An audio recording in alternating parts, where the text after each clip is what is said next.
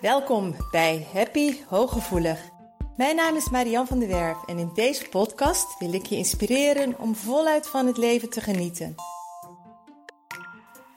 Wil je ook leren hoe je vanuit je innerlijke kracht en gevoeligheid met minder inspanning meer geluk kunt ervaren?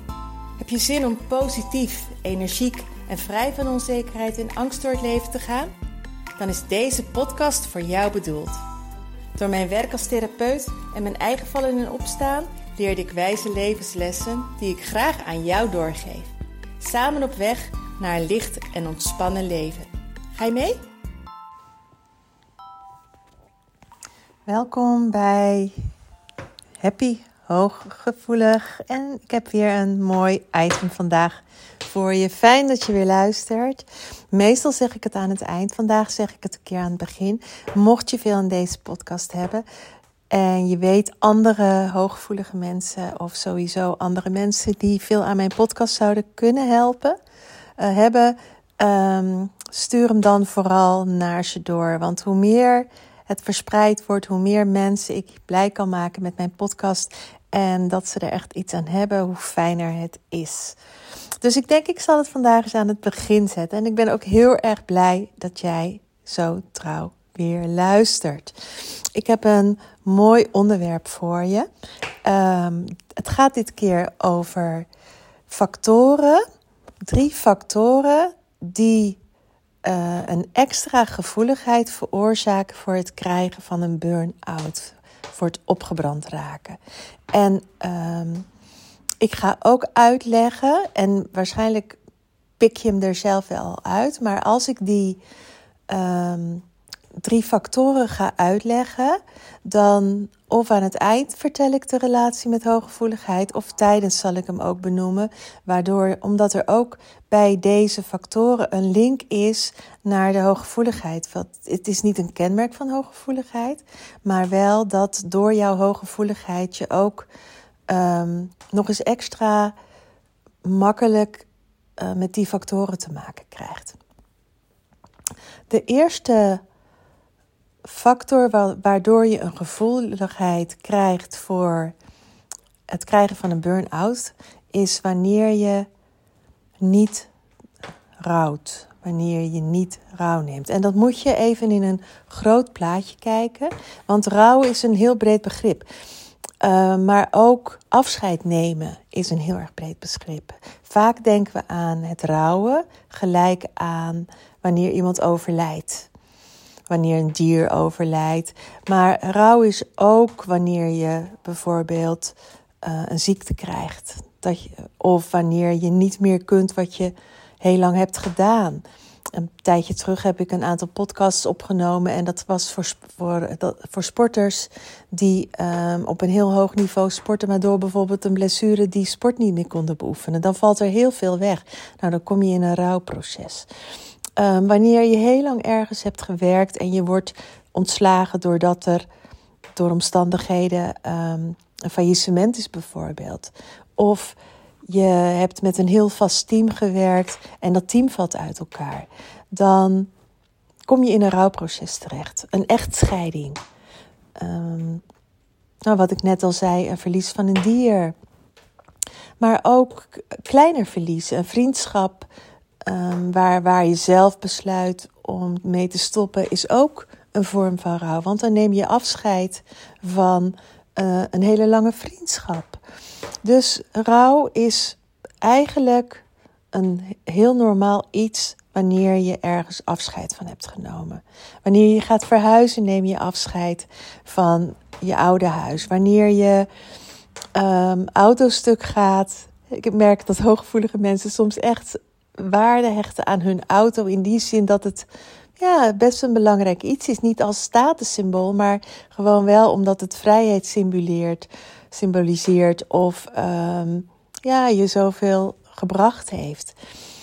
Um, en wat er heel vaak gebeurt, bijvoorbeeld bij een nieuwe baan, bij, na een ontslag, na een verkering die uit is, zelfs na een echtscheiding, zie ik dat soms gebeuren dat mensen hun verdriet wegstoppen.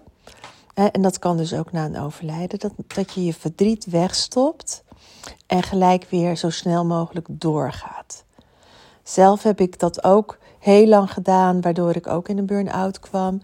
Um, er gebeurde iets op school, dat had heel veel impact. En dan zei ik: Oké, de rest mag de tijd nemen, maar hoppa, ik heb die school te draaien, ik moet door.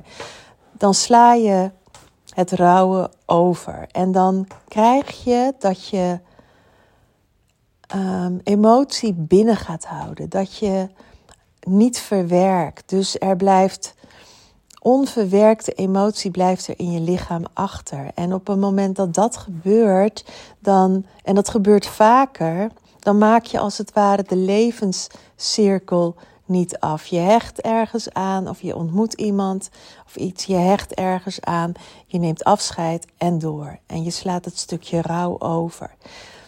Wat er op een gegeven moment gaat gebeuren is dat je steeds matter wordt. Dat je niet meer zo heel erg van dingen kan genieten. Dat je ook merkt dat hele blije, positieve emoties minder worden. Dat je, ja, um, stel, je, stel je bijvoorbeeld voor dat um, je hebt een echtscheiding en je, je, um, je gaat te snel weer door.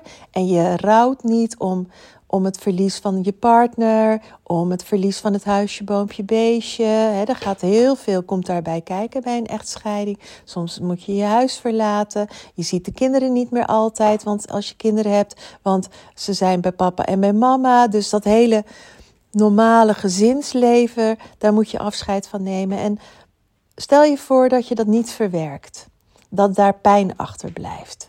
Dan zul je nooit voluit voor een nieuwe partner kunnen gaan, omdat er altijd nog pijn achterblijft. En als dat vaker gebeurt, ook in andere situaties, wanneer je vaak van werk, uh, wanneer je een paar keer ontslagen bent, wanneer je steeds een beetje inlevert op je gezondheid en je zegt beste ervan maken en door, beste ervan maken en door, op een bepaald moment merk je dat je matter wordt. Je, je, je, je krijgt steeds minder voldoening haal je uit het leven. Die, dat, dat hele voluit leven neemt meer en meer en meer af. Waardoor je ja, somberder wordt, verdrietiger wordt en ook energieverlies hebt. Maar dat is, een van, dat is de eerste um, factor waardoor je gevoeliger wordt als je dit in je leven een patroon, als, als, als patroon hebt. Het tweede de tweede factor, die heel erg gerelateerd is aan het krijgen van een burn-out, is wanneer jij niet op de juiste plek in je systeem staat.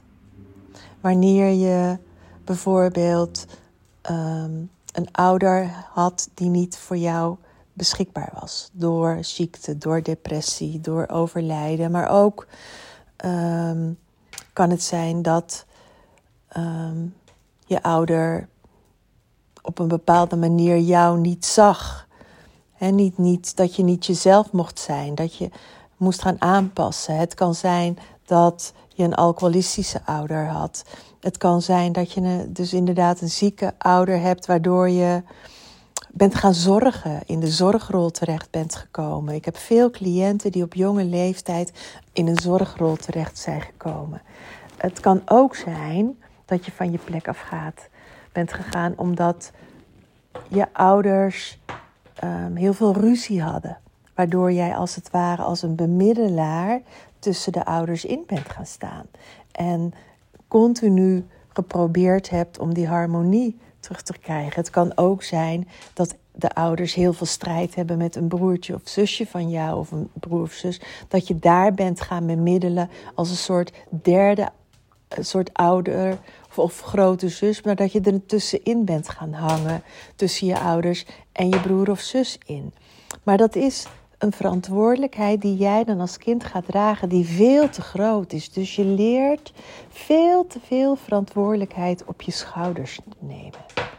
En als je dan nu kijkt hoe dat zich manifesteert in je dagelijks leven, ehm, iemand die van de plek is gegaan op jonge leeftijd, omdat het systeem bij wijze van spreken daarom vroeg, eh, omdat het in, in je gezin van herkomst um, je niet echt het kind kon zijn. dus je bent als bijna gaan redden, of je bent gaan bemiddelen, of je bent gaan zorgen. Dan heb je die verantwoordelijkheid op je genomen. En dat uitzicht in het dagelijks leven, in je volwassenheid. Bijvoorbeeld dat jij je altijd meer verantwoordelijk voelt op de werkvloer. Dus uh, je collega's die vinden het op een gegeven moment wel goed. Of je collega's die zeggen op een bepaald moment: nee hoor, ik heb zoveel gewerkt, die diensten doe ik niet. En jij bent degene die het dan wel doet. Jij bent degene die um, zich net altijd meer verantwoordelijk voelt voor de collega's, voor het resultaat van het werk, voor de mensen waarmee je werkt. En dan merk je dus gelijk al de relatie met hooggevoeligheid. Dit heeft heel erg te maken ook met je spiegelneuronen ook nog eens. Dus hoe gevoeliger jij bent als klein kind, hoe des te beter jij voelt wat er nodig is, des te makkelijker je dus van die plek afgaat. En bij deze ligt vooral de grootste um, relatie, vind ik zelf, van deze drie met hooggevoeligheid. Um, doordat je dus um, veel te veel verantwoordelijkheid op je neemt, waardoor je. En dat is een enorm energielek. Daar heb ik natuurlijk een paar geleden de podcast over gemaakt. Over dat je kracht je energielek wordt. Nou, die, heeft, die komt hierin terug.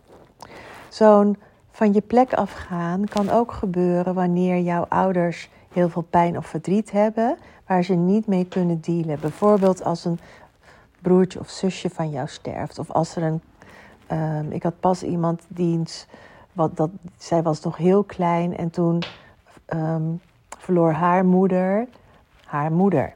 Dus dan heb je een babytje en tegelijkertijd heb je een heel groot verlies. Nou, kinderen voelen haar fijn aan wat ouders kunnen dragen. En nogmaals, hoe gevoeliger je dan bent, hoe meer je dat aanvoelt. Dus als je hooggevoelig bent, heb je dat haar fijn aangevoeld. En dan is het bijna ondraaglijk om het lijden van, je ouders aan te, van een van je ouders aan te kunnen. En dan wil je dat lijden op, op je schouders gaan nemen. Dus dan wil je liever ehm, dat lijden dragen dan dat je ouders het bij wijze van spreken doen. En je merkt wel dat dat kan niet, maar dat is wel een patroon en dat is wel een mechanisme wat in werking treedt op een moment dat er binnen een gezin dingen zijn gebeurd of dingen gebeuren die heel erg heftig zijn. Dus van je plek afgaan is een enorm energielek omdat je je altijd verantwoordelijker voelt. Wat, wat ook bijvoorbeeld ik veel zie is um, bij organisaties dat um, het moeilijk is om in de uitvoerende rol te krijgen. Omdat je de neiging hebt, doordat je meer verantwoordelijkheid op je neemt, dat je een beetje tussen richting management gaat. Dat je graag daar ook een vingersoort in de pap wil hebben. Of dat je probeert een bondje te sluiten met de leidinggevende. Om zo meer um, regie te kunnen hebben.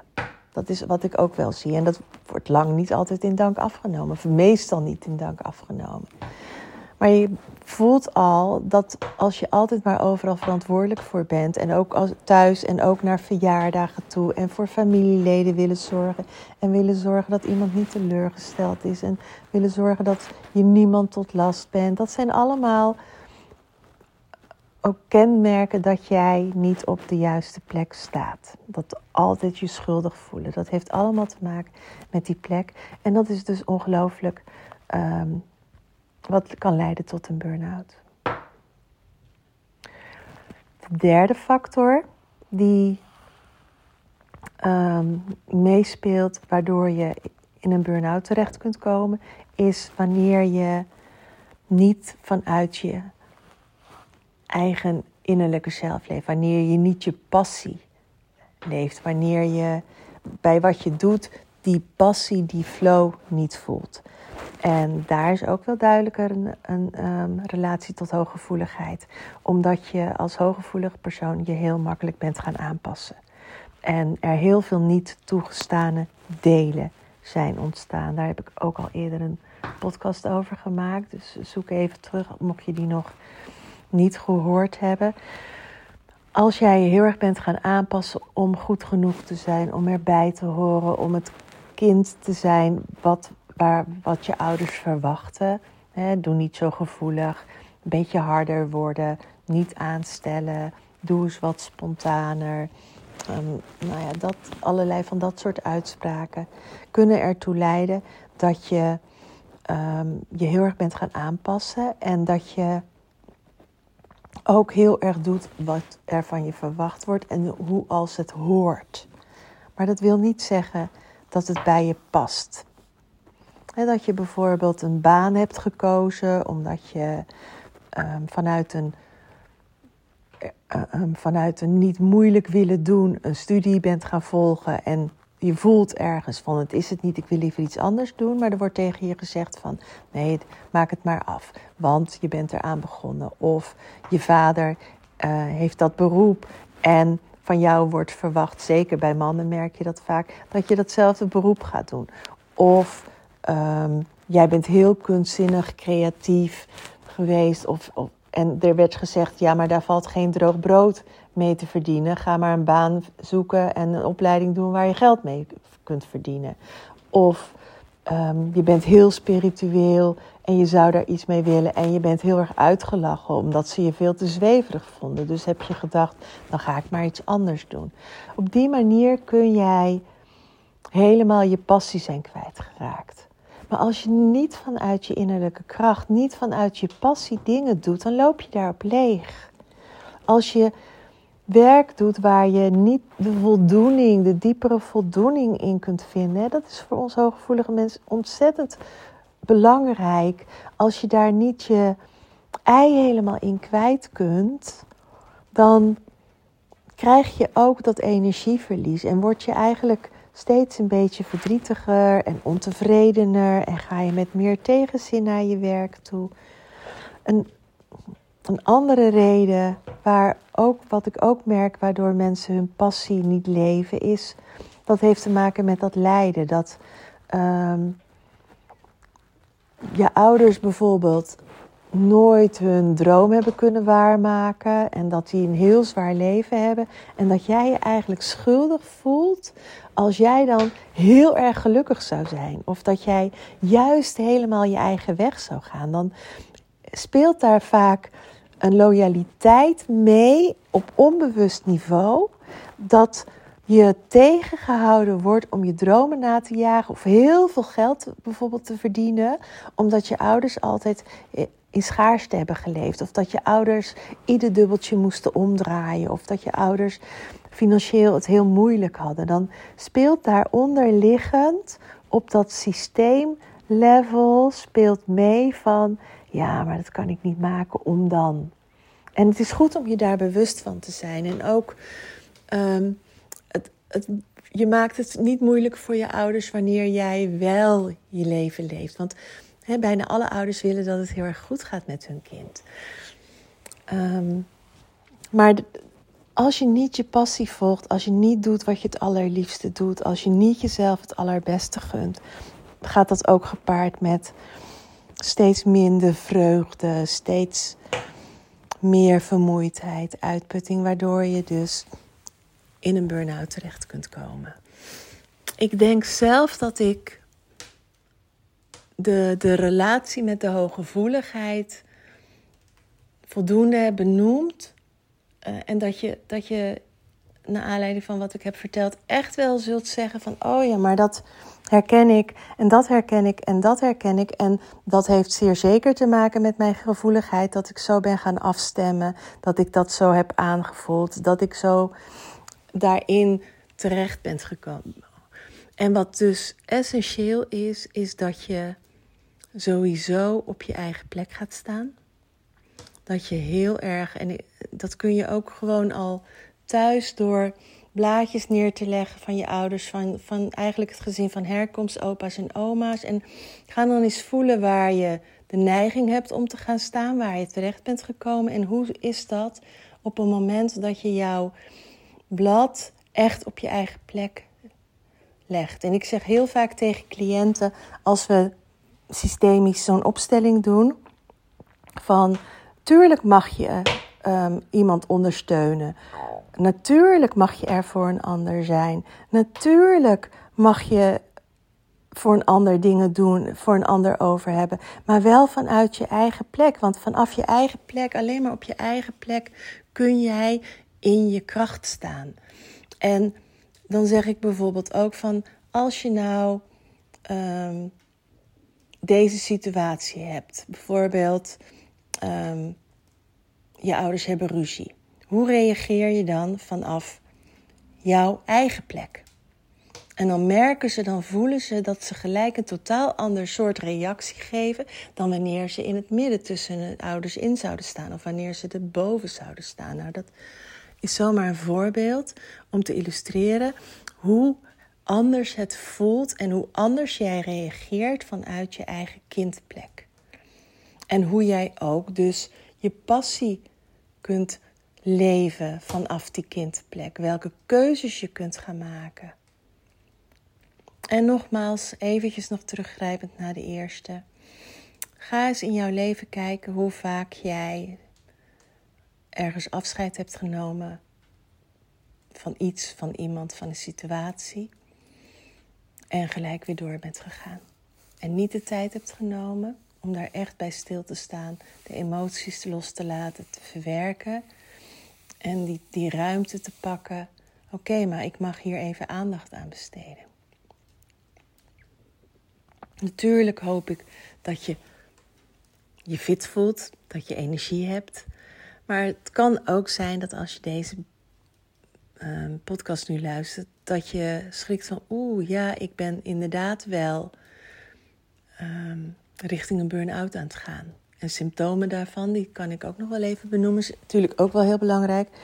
Uh, symptomen van een burn-out zijn onder andere dat je concentratieverlies hebt, dat je je niet meer kunt focussen, dat je een korter lontje krijgt, dat je slechter gaat slapen, dat je um, niet meer uitgerust raakt, ook al slaap je nog wel goed, maar dat je continu het gevoel hebt dat je vermoeid bent, dat je heftiger reageert op situaties, dat je sneller zo'n error in je hoofd krijgt van oh stress, hoe krijg ik het rond, hoe krijg ik het af.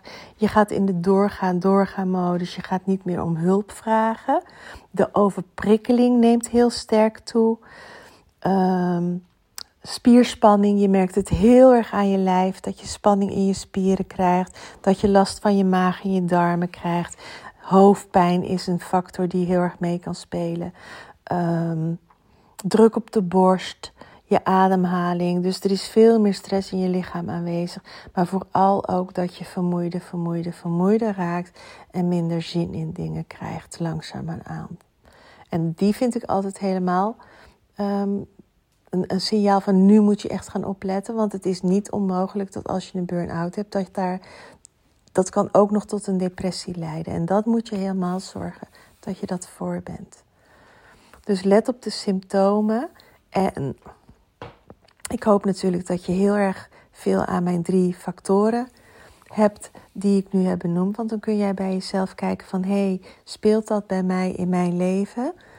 Uh, herken ik daar dingen van en wat kan ik daarmee om te voorkomen dat ik in een burn-out terechtkom? Nou, fijn dat je luisterde. Ik hoop dat je er de volgende keer weer bent. En een hele Dank lieve dat je luisterde naar Dag. Happy Hooggevoelig. Heeft deze podcast je nieuwe inzichten gegeven? Je doet me een groot plezier met een recensie op Apple Podcast. Je kunt je natuurlijk ook abonneren op dit kanaal in jouw favoriete podcast-app. Want elke week staat er een nieuwe aflevering voor jou klaar. En wil je nu zelf aan de slag en meer lichtheid ervaren? En sta je open voor nieuwe inzichten en verandering? Neem dan vooral eens een kijkje op mijn website www.zienswijs.nl. Daar help ik je graag nog verder. Zie ik je daar?